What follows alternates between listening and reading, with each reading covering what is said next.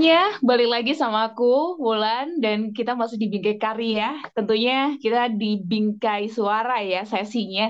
Dan kali ini aku sudah barengan uh, artis yang, ah ini gak ada yang gak kenal gitu ya. Winner Indonesian Idol 2021 yang bahkan abis rilis lagu barunya. Ada Rimar. Halo, Halo Rimar. semuanya. Halo Kak. Lagi di mana nih, Rimar? Lagi di rumah aja nih Kak. Hmm. Oke, Tangsel ya kamu ya? Iya, wilayah BSD. Hmm, oke oke. Udah mulai ramai nggak Rimar di sana? Apalagi mau Lebaran nih. Waduh, lagi macet banget. Parah sih Kak. Aku kemarin tuh uh, di BSD di Jakarta itu tuh lagi macet-macetnya banget. Kayak, aduh ya ampun perjalanan udah berapa lama tuh. Aduh. Nggak tahu udah pada mudik atau belum, tapi nggak tahu Iya. jalanan lagi pad- lagi parah banget, padat banget. Mm, mm, mm, mm. Aduh, ini nggak kebayang kamu dengan kondisi apa namanya? Ini kan puasaan juga ya. Terus kamu harus mobile, belum lagi kena macet dan lain-lain. Aduh, semangat semangat semangat. Seru sih, nggak nggak masalah, seru banget. Oke, Oh ya BTW Rimar aku mau ngucapin dulu juga congratulations ya buat single single baru kamu Cinta yang Kutunggu. Akhirnya rilis juga 7 you. April ya. Tapi kan Iya, sebenarnya 7 kalau April. Kalau ngomongin single kan kamu juga sebelum sebelumnya juga udah eh, apa namanya udah ada single gitu ya dan sekarang udah ada single baru lagi gitu Cinta yang Kutunggu ini. Tapi gimana rasanya? Rasa nano-nano itu buat Rimar sendiri ini masih ada atau ya udah biasa aja gitu? Iya pasti ada lah. Aku nggak ya. tahu sih bakal bakal ada sampai kapan. Cuman maksudnya untuk single yang ini, apalagi ini single bahagia pertama aku kan, jadinya itu lebih Iya. bergejolak lagi malah. Oke oke, nanti kita akan ngobrolin ya single ini Cinta yang Kutunggu kita akan bahas gimana termasuk juga produksi challenge challenge yang kamu rasain gitu. Nah ini kan yang kita tahu eh, teman-teman ya Rimar ini kan juga musisi gitu ya. Ternyata di eh, dengan Rimar musisi ini ternyata backgroundnya justru anak teknik perminyakan ya. Kok bisa itu? Korelasinya apa tuh? Kalau itu ya ini aja sih sebenarnya karena dari orang tua eh pinginnya aku tuh ngambil akademis gitu. Jadi biar Oke. ya lebih banyak explore lah ya. Jadi kalau misalkan Hmm. perkuliahannya akademis tapi kan untuk nyanyi dan untuk musik aku bisa pelajari di luar eh, sekolah gitu. Jadinya ya udah research-research wah kayaknya seru nih yang ini gitu. Ya jadi penyakit lah ya, susah juga soalnya. Oke, oke. Tapi sekarang udah selesai ya? Atau masih ini? Ya, Masih udah. udah ya? Oke. Udah, Berarti pas waktu Dari situ idol. Oh, hmm, oke oke oke. Ya, dan Rimar ini selain nyanyi juga ternyata kamu anaknya olahraga banget gak sih? Enggak juga sih sebenarnya. Mungkin lebih kayak ini aja untuk support, untuk support kalau Hmm. nyanyi kan memang lebih enak kalau olahraga. Tapi aku Hmm. belum nih kalau yang kayak orang-orang yang konsisten gitu belum. Hmm, oke oke. Tapi kamu bentar nih Marco bisa sih kan kamu kan sekarang sibuk banget ya kan kamu harus nyanyi gitu. Terus pasti kamu ada aktivitas lain juga kan. Konsisten dalam olahraga itu kamu narget gak sih kayak seminggu itu aku harus berapa kali gitu? Eh, kalau dulu enggak sih sebenarnya nggak pernah nggak pernah nargetin gitu. Yang penting kalau Oh, misalkan lagi mau nyanyi memang difokusin gitu. Cuman Oke. akhir-akhir ini memang lagi ini juga lagi berkurang gitu. Makanya harus harus ini lagi nih menumbuhkan. Ayo, semangatnya harus dibangun lagi nih. Soalnya kadang-kadang gini kalau sekarang lagi bulan puasa kan, ya Ya ya. kayak kapan ya yang pas kan pasti malam gitu kan. Bener. Tapi Oh. malam malam kalau udah habis kelar sholat taraweh gitu, pasti Hmm. kan, aduh banget ya gitu. Oh, tentu ternyata ya seorang Rimar ini juga ngerasain capek juga ya. Ya maksudnya ya ya belum inilah belum belum sekonsisten itu. Kalau adik aku wah parah sih dia konsisten banget malam-malam mau jam 10 malam jam satu malam dia pasti jalan buat olahraga. Oke oke. BTW aku nggak lihat Mochi sih, Rimar. Mochi itu di rumah kamu atau di mana sih? Ini ada pas banget di sebelah aku. Oh iya. Oh, ini si yang kalau kamu nyanyi dia enak banget sama tiduran itu, si Mochi. Iya nih, dia tuh apa-apa kalau misalkan aku lagi ngapa-ngapain tuh di sebelah aku nih, dia lagi mandi nih sebelah aku. Ah, oke oke. Iya, jadi Mochi ini itu uh, kucing kesayangan kamu ya. Emang udah ikut kamu udah lama ya? Uh, berapa lama ya dia? Sebenarnya belum lama banget, uh, mungkin Hmm. berapa bulan kali ya. Oh. Dikasih sama temen karena dia dia nggak bisa ngurus karena harus keluar kota gitu. Akhirnya aku dikasih Timoci ini. Sebenarnya sebelumnya aku punya kucing juga, tapi kucing Oh liar gitu. si Acil. Mm-mm. Oh, oke oke. Ya sekarang kalau gini juga enak ya ada temennya juga makin rame di rumah ya. Enak, cuman ya inilah dia kadang suka bandel ini memang anak ini. Nakal. Mochi, mochi. Oke, oke. Nah, ini kan sekarang aku mau ngobrolin soal perjalanan karir kamu, Rimar. Kan kamu dari kecil banget tuh, dari umur tiga tahun itu kan udah diajarin mami nyanyi ya.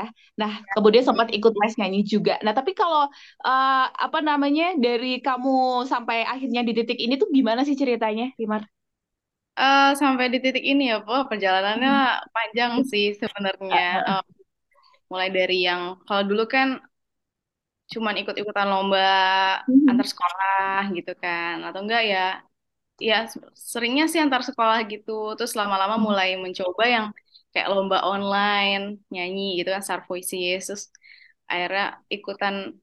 Jadi kayak beruntun gitu loh Kak perjalanan hidup aku itu mulai dari yang kayak eh, karena ikut yang Vietnam, akhirnya aku jadi di Mhm. notice yang The Voice dari dari The Voice aku Hmm. jadi di notice yang mana gitu.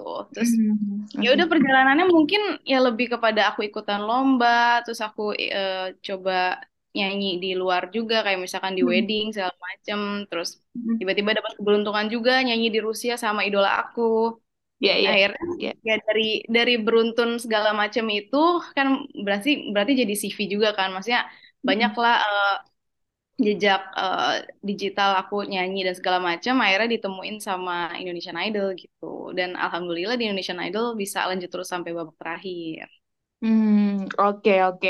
Kamu pernah mewakili Indonesia di ajang ASEAN Be Our Rock and Pop Soul Music Competition itu di Vietnam ya. Itu nah itu berarti sebelumnya ikut Indonesian Idol. itu sebelumnya jadi eh, Hmm. itu tuh sebelum bahkan sebelum The Voice Oh, oke oke oke oke. Waduh banyak banget ya itu kalau di list kamu ikut ajang pencarian bakat itu gila banyak banget. Tapi kamu sebenarnya segitu optimis ya. Sebenarnya banyak Wah. banyak lebih banyak lagi sih. Cuman kan eh, banyak yang nggak lolosnya gitu kan. Yang mungkin yang ketahuan kan yang itu itu itu itu gitu. Iya. Lebih, lebih banyak lagi. Iya, Rimar, ini kan kamu perjalanan kamu itu kan sebenarnya juga kalau dibilang mulus nggak mulus-mulus banget ya. Banyak Ah, kamu Enggak, enggak mulus. ya, banyak gagalnya juga gitu. Tapi di sini tuh aku sama dia itu kamu kayak nggak yang oke aku stop. Biasanya kan ada orang itu kayak punya deadline gitu loh. Kalau misalnya dia mengerjakan sesuatu A terus nggak sampai-sampai nih, dia itu kayak langsung split ke B, ke C gitu. Gimana sih waktu itu kamu mikirnya, Rimar? Em, apa ya kalau aku tuh let it flow aja. Jadi misalkan memang aku sukanya di sini, ya aku kerjain apa yang aku bisa gitu. Cuman memang pasti manusia ya kadang-kadang juga aduh bisa nggak sih kayak gitu. Iya, Cuman benar-benar. karena banyak dukungan dari orang tua dan sekarang pun juga fans-fans aku juga selalu mendukung aku. Jadinya ya kadang-kadang kalau udah mau udah udah mau menyerah gitu kayak inget lagi ya yang ngapain sih aku mikir yang kayak gitu-gitu mendingan aku ngerjain apa yang aku suka gitu tanpa harus memikirkan target gitu karena eh, sebenarnya kan memang target itu bagus tapi Ya, ya. kan manusia memang punya waktunya masing-masing gitu. Jadi gimana caranya supaya aku lebih fokusnya ke enhance quality aku dibandingkan aku mengejar uh, sesuatu-sesuatu yang yang sebenarnya itu ya memang rezeki-rezekian gitu, Kak.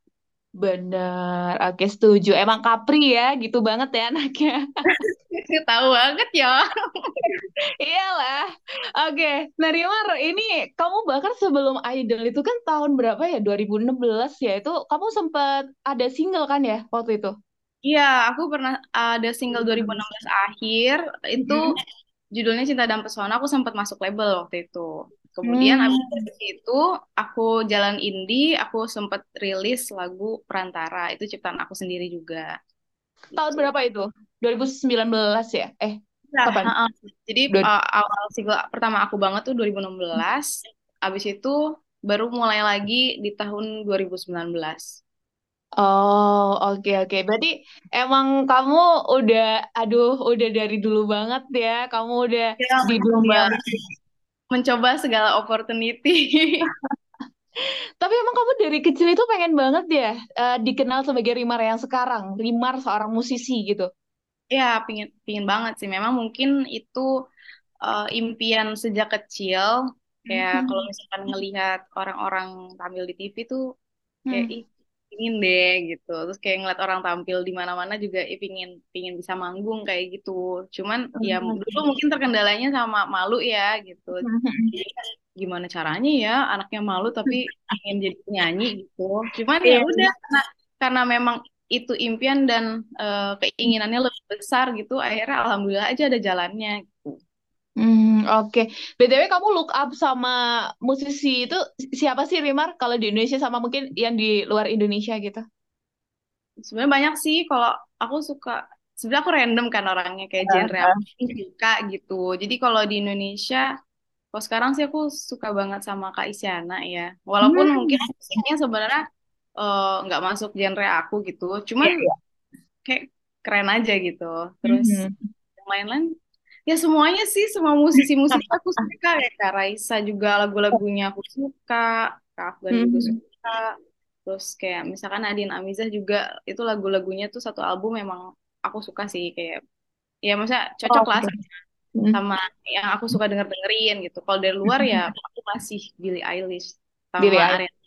Iya, heeh. Sama sekarang ini aku lagi suka juga sama Jake yang nyanyi lagu Golden Hah? Hour. Oh Ya, ya, ah, ah. Itu ya, di mana-mana ya sekarang diputar TikTok, Instagram. ya, ya itu aku juga aku lagi suka banget itu sama Jake. Hmm. Oke oke. Ya, Rimar, ini kalau kita ngomongin ke single kamu yang baru ya, yang Cinta yang Kutunggu seperti kamu tadi udah ngomong kan, cerita kalau lagu ini tuh lagu bahagia. Terus kalau kita bandingin sama lagu-lagu kamu sebelumnya itu lagu-lagu yang super nyakitin kita itu. Sekarang kamu mempersembahkan lagu bahagia ini untuk kita. Sebenarnya dulu itu apa sih pertimbangannya, Rimar? Eh, pertimbangannya ya sebenarnya karena eh itu tadi lagunya aku tuh galau-galau semua. Mm, padahal aku tuh seringnya kan ngisi wedding juga kan. Jadi Hmm. sedih juga sih kalau misalkan aku ngisi wedding tapi nggak bisa nyanyi lagu sendiri gitu kan lagunya bener-bener galau semua gitu. Jadinya ah pingin ah bikin lagu yang bahagia gitu. Toh juga kan banyak ya orang-orang yang bilang eh, ih jangan nyanyi lagu sedih mulu nanti kejadian loh gitu kan. Walaupun ya ya jangan dipercayalah kayak gitu-gitu. Iyalah. Cuman cuman akan lebih baik kalau misalkan aku bisa bikin lagu bahagia gitu at least eh, satu dulu nih sekarang eh, untuk menjadi doa baik buat aku sama buat teman-teman semuanya yang dengerin lagu aku gitu. Hmm, oke. Jadi itu ya alasan dibalik kenapa kamu memilih lagu ini. Nah, tapi lagu ini kan kamu sendiri ya yang nulis ya. Itu dapat inspirasi dari mana sih, Rimar? Inspirasinya ya tiba-tiba twing aja gitu muncul. Yakin, bukan karena based on your experience. Nah, aku tuh nggak nggak nggak pernah sih kayaknya dari experience sendiri gitu. Jadi paling-paling eh, ada sesuatu yang melatar belakangi gitu. Kalau untuk Oke. lagu ini ya latar belakangnya karena memang ini aja sih aku melihat banyak banget kejadian-kejadian kayak misalkan pasangan gitu, bukan pas belum Mhm. pasangan. Saya kan yang PDKT ya si cowoknya Ya. tuh ngedeketin ceweknya tuh kayak gencar sekali gitu. Tapi Mhm. ketika si ceweknya udah memberikan hatinya, udah udah udah jadi sayang banget, udah jadi Mhm. kayak apa-apa kangen, kayak baru ngeliatin eh, si cowoknya online aja udah seneng gitu. Ya. Terus online online berubah menjadi typing itu kayak Ya. aduh aduh ayo dong typing please gitu kan. Eh tapi malah si cowoknya yang berangsur-angsur menjadi bosen dan kayak Mhm. ghosting aja gitu. Nah itu sih sebenarnya yang melatar belakangi lagu ini karena lagu ini tuh isinya harapan-harapan semoga kita selalu bisa bersama walaupun uh, banyak lika-liku lah nantinya. Jadi Mhm. aku berharap kamu tuh nggak akan pernah berubah gitu perasaannya karena aku tuh Mhm. cewek, cewek-cewek ini rata-rata Ya, ya. Perasaannya cintanya tuh nggak akan berubah gitu. Benar, oke, setuju. Nah, ini ngomongin soal lagu cinta yang kutunggu sendiri, ini kan lagu jatuh cinta. Sedangkan kalau yang ngomongin soal jatuh cinta itu kan pasti ya semua orang pernah lah ya di fase itu gitu. Nah, ini kadang kalau orang udah jatuh cinta nih, Rimar kan kadang susah nih ya bedain uh, mana yang sebenarnya baik sama yang enggak gitu. Tapi kalau Nah, kamu sendiri mungkin tips lah, boleh lah buat teman-teman. Kalau kamu lagi di posisi kamu lagi falling in love gitu, gimana caranya kamu bisa apa ya mensejajarkan apa ya jalan bareng gitu antara logik kamu sama perasaan kamu. Nah, ini kalau untuk cewek memang rada susah ya. Soalnya kan Iya. cewek kan perasaan lebih ke depan dibandingkan logika gitu. Jadi paling-paling ya memang harus ceweknya sih yang memang harus bisa neken perasaannya itu, harus bisa lebih mengedepankan logikanya itu karena karena memang pada akhirnya ya emang Hmm. cewek yang harus ngambil sikap sih. Karena ketika misalkan nih cewek udah sayang banget nih sama cowok, terus cowoknya ninggalin. Kalau ceweknya ngejar-ngejar malah makin-makin kan gitu. Jadi Hmm. emang cewek tuh harus chill aja. Oke oke boleh kayak gimana segala macam nggak boleh kayak harus oke stay calm and ya memperbaiki diri, mempercantik dan ya boleh mengerjakan sesuatu yang kita bisa lah gitu. Mm-mm. Iya, kadang kan ada juga tuh cewek-cewek itu yang eh, apa ya? Aku nggak nggak nggak nggak cukup sampai itu aja. Aku butuh ngelihat effort kamu sampai mana buat aku. Ada yang kayak gitu juga kan? Ya, iya. Yang menuntut gitu, menuntut effort-effort dari para lelaki gitu untuk membuktikan kalau itu beneran enggak. Iya sih, heeh, yang kayak gitu-gitu. Cuman apa ya, tergantung orangnya juga sih. Kan kadang-kadang Iya. cowok juga juga ada yang eh, harus di-push juga ada juga sih. Cuman kan mostly Iya. cowok-cowok itu memang nggak suka dikejar. Cowok-cowok itu kan nggak suka kalau dituntut macem-macem gitu. Yes. Mm-mm. Oke. Nah, ini aku juga tertarik banget sama eh, dalamnya lirik kamu ya. Mungkin kita bahas dikit lah di bait pertama lirik kamu itu. Ini dari kata-katanya ini benar-benar semua ini dari pemikiran kamu ya, Rimar ya. Iya, itu wah tiba-tiba turun gitu. Dapetnya dari mana sih kamu? Kamu beli di toko apa gitu? Aku juga nggak tahu ya, tiba-tiba aja muncul kata-kata kayak gitu dan muncul nada-nada kayak gitu. Sebenarnya nggak pernah kepikiran sih Kak, soalnya kan kayak ku tak sanggup menatap gitu ya sorot matamu yang indah gitu. Cuman Hmm. pokoknya intinya kan gimana gimana aku bisa menggambarkan eh, sosok perempuan yang sangat jatuh cinta gitu, yang berbunga-bunga dan ketika dia jatuh cinta sama laki-laki itu ternyata dibalas juga gitu cintanya. Hmm, oke. Ini yang di lirik pertama aja ya. Ini ini aku bacain ya. Ku tak kuasa menahan rindu di setiap waktu. Namun kau tenangkan aku dengan hadirmu di sini. Dengarkanlah bisikanku. Ini kayak dia itu selalu ada gitu ya, selalu dekat ya. Rimar, kamu tidak ini ya, apa namanya? Tidak melihat bagaimana perasaan orang-orang yang LDR di luar sana mendengarkan lirik kamu yang ini. Aduh, aduh, aduh yang LDR mohon maaf. Biar ini ya, biar tumbuh. Tapi kan kalau LDR biasanya mak Heeh. malah makin makin kangen gitu. Jadinya malah bumbu apa ya, eh, gejolak cintanya tuh muncul-muncul lagi. Oke, bisa, bisa, bisa itu alasannya. Nah, ini di selanjutnya ya, aku ingin kita selalu bersama melewati segala rintangan dan liku yang akan tiba. Aku ingin kita akan menyes- menyerah seberat tidak akan oh, tak akan menyerah ya seberat apa pun. Yakin kalau cinta yang kutunggu ini tuh kayak bener ya harapan gitu ya. Nah, harapan kita semua Mhm. semoga kita tuh selalu bersama mau gimana pun karena kan di lagu-lagu aku yang sebelumnya um, ada tantangan berpisah gitu kan. Iya. Jadi Mhm. ini harapannya gimana caranya walaupun walaupun misalkan perasaan cinta itu kan nggak abadi katanya kan gitu kayak Iya, mungkin iya. gejolak-gejolak cintanya tuh cuman di awal doang gitu tapi gimana caranya biar kita tuh tetap bisa berjalan bersamaan terus menuju visi misi yang udah kita eh, tentuin gitu. Hmm, oke. Rimar, ini kalau kita ini ya ngomongin soal proses lagu kamu yang cinta yang kutunggu ini, gimana sih cerita di balik lagu yang bisa kita nikmati pada akhirnya ini, Rimar? Prosesnya awal mulanya aku bikin tahun 2021 sebenarnya. Oke. 2021 akhir.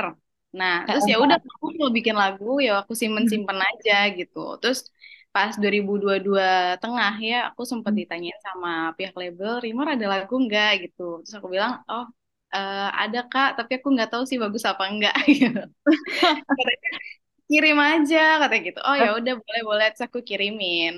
Terus pas aku kirimin ternyata, eh kita workshop yuk lagu ini gitu. Oh ayo ayo gitu ya udah seneng lah mau di workshopin. Cuman memang jaraknya antara aku ngasih lagu itu sama ke workshopnya emang rada lama sih karena kita nyari hmm. mau sama siapa ya bikin lagu ini gitu kan sebelumnya oh. lagu-lagu aku rata-rata sama Mas Topati kan yang ini yeah, sama yeah. siapa nah, gitu. Terus deh gitu nyari-nyari referensi lagu-lagu terus deh gitu aku bilang eh kak eh, sama kak itu kali ya kan seru gitu sound-sound Korea segala macam gitu hmm. terus kayaknya oh iya juga ya lagi sibuk hmm. ya gitu terus ya udah coba-coba kontak-kontak akhirnya jadi juga sama grup uh, grup produser namanya Sik uh, itu di dalamnya ada Kak Kitut, ada Kak Jesse, Kak Marco sama Kak Josh gitu. Akhirnya udah hmm. kita jalanin workshop dan Alhamdulillah rampung sampai akhir. Oke.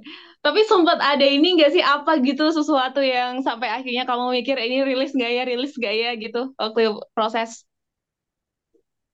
Uh, kalau rilis sih pasti rilis, cuman hmm. memang kan hmm. kita selalu prosesnya lumayan lama ya, jadi uh -uh. kadang-kadang uh, gregetannya tuh karena uh, fans-fans sama ya lovers dan fans kan udah pada nanyain mulu kapan single aduh kayak ini lagi persiapan gitu deh. Tapi memang persiapan kita kan lumayan lama ya dari mulai workshop abis itu nanti kita nentuin kapan jadwal recordingnya MP photoshoot segala macemnya. Jadi pas lagi proses pembuatan itu komen-komen kapan singlenya gitu tuh banyak banget. Jadi kayak oh my god tunggu sebentar ya nggak sabar. Oke. Okay. Nah, ini kalau dari uh, nulis nulis lagu kan kamu ya di sini ya. Itu prosesnya sehari banget atau gimana sih bertahap gitu, Rimar?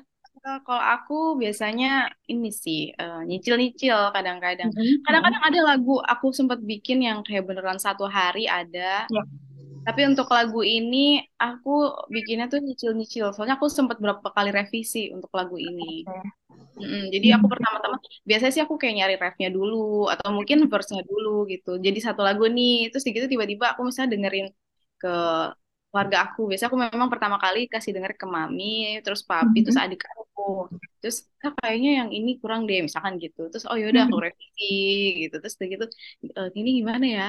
Terus revisi lagi gitu. Terus gitu akhirnya pada akhirnya nih dapat juga nih nada yang sama kayak yang sekarang.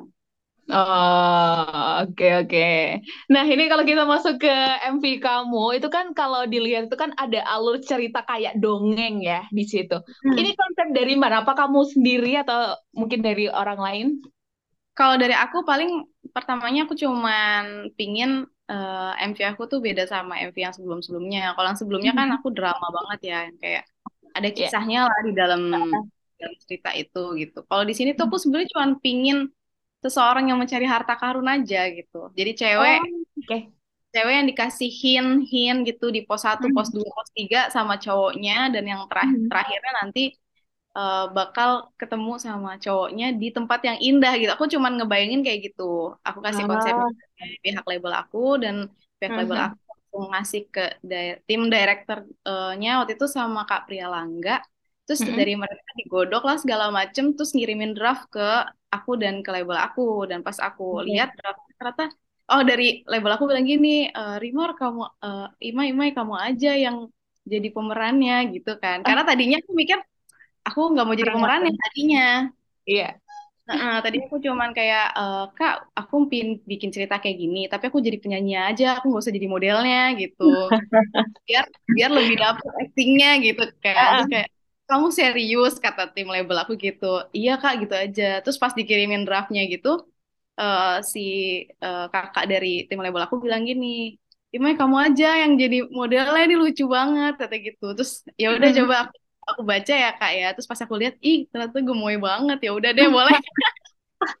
Akhirnya berubah pikiran ya Oke, nah Rimar, ini kalau dari uh, apa namanya bikin MV-nya itu butuh waktu berapa lama sih buat kamu sama tim?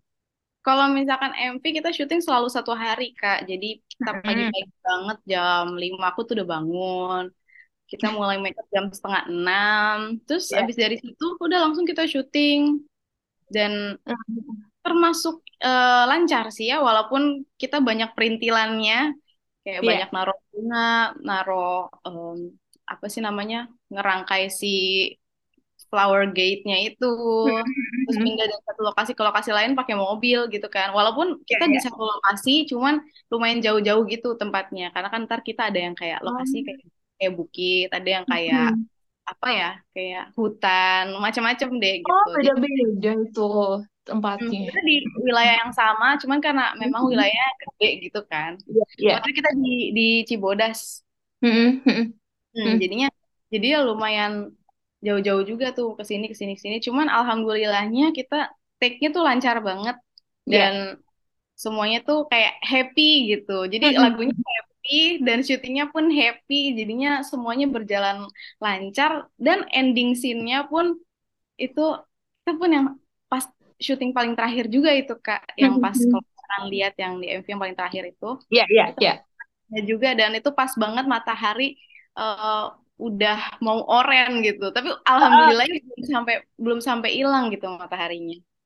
Oh, oke oke. Wah, emang enak ya kalau dikasih kelancaran kayak gitu. Ya, alhamdulillah banget dan eh, modelnya juga eh, namanya Hmm. Prasmulya itu juga Ya. chemistry-nya oke banget. Jadinya Ah. Gak ada canggung-canggung. Jadi jadi chemistry-nya dapat gitu. Alhamdulillah bikin baper orang-orang. Oke. Nah, Rimar, ini kalau ngelihat dari eh, artwork ya kali ini ya. Kalau di artwork itu kan kamu ada apa perempuan itu di situ perempuan yang ada mawarnya gitu ya nggak sih? Iya nggak sih iya yang di baliknya? Itu ada iya. makna apa sih, Rimar, di balik itu?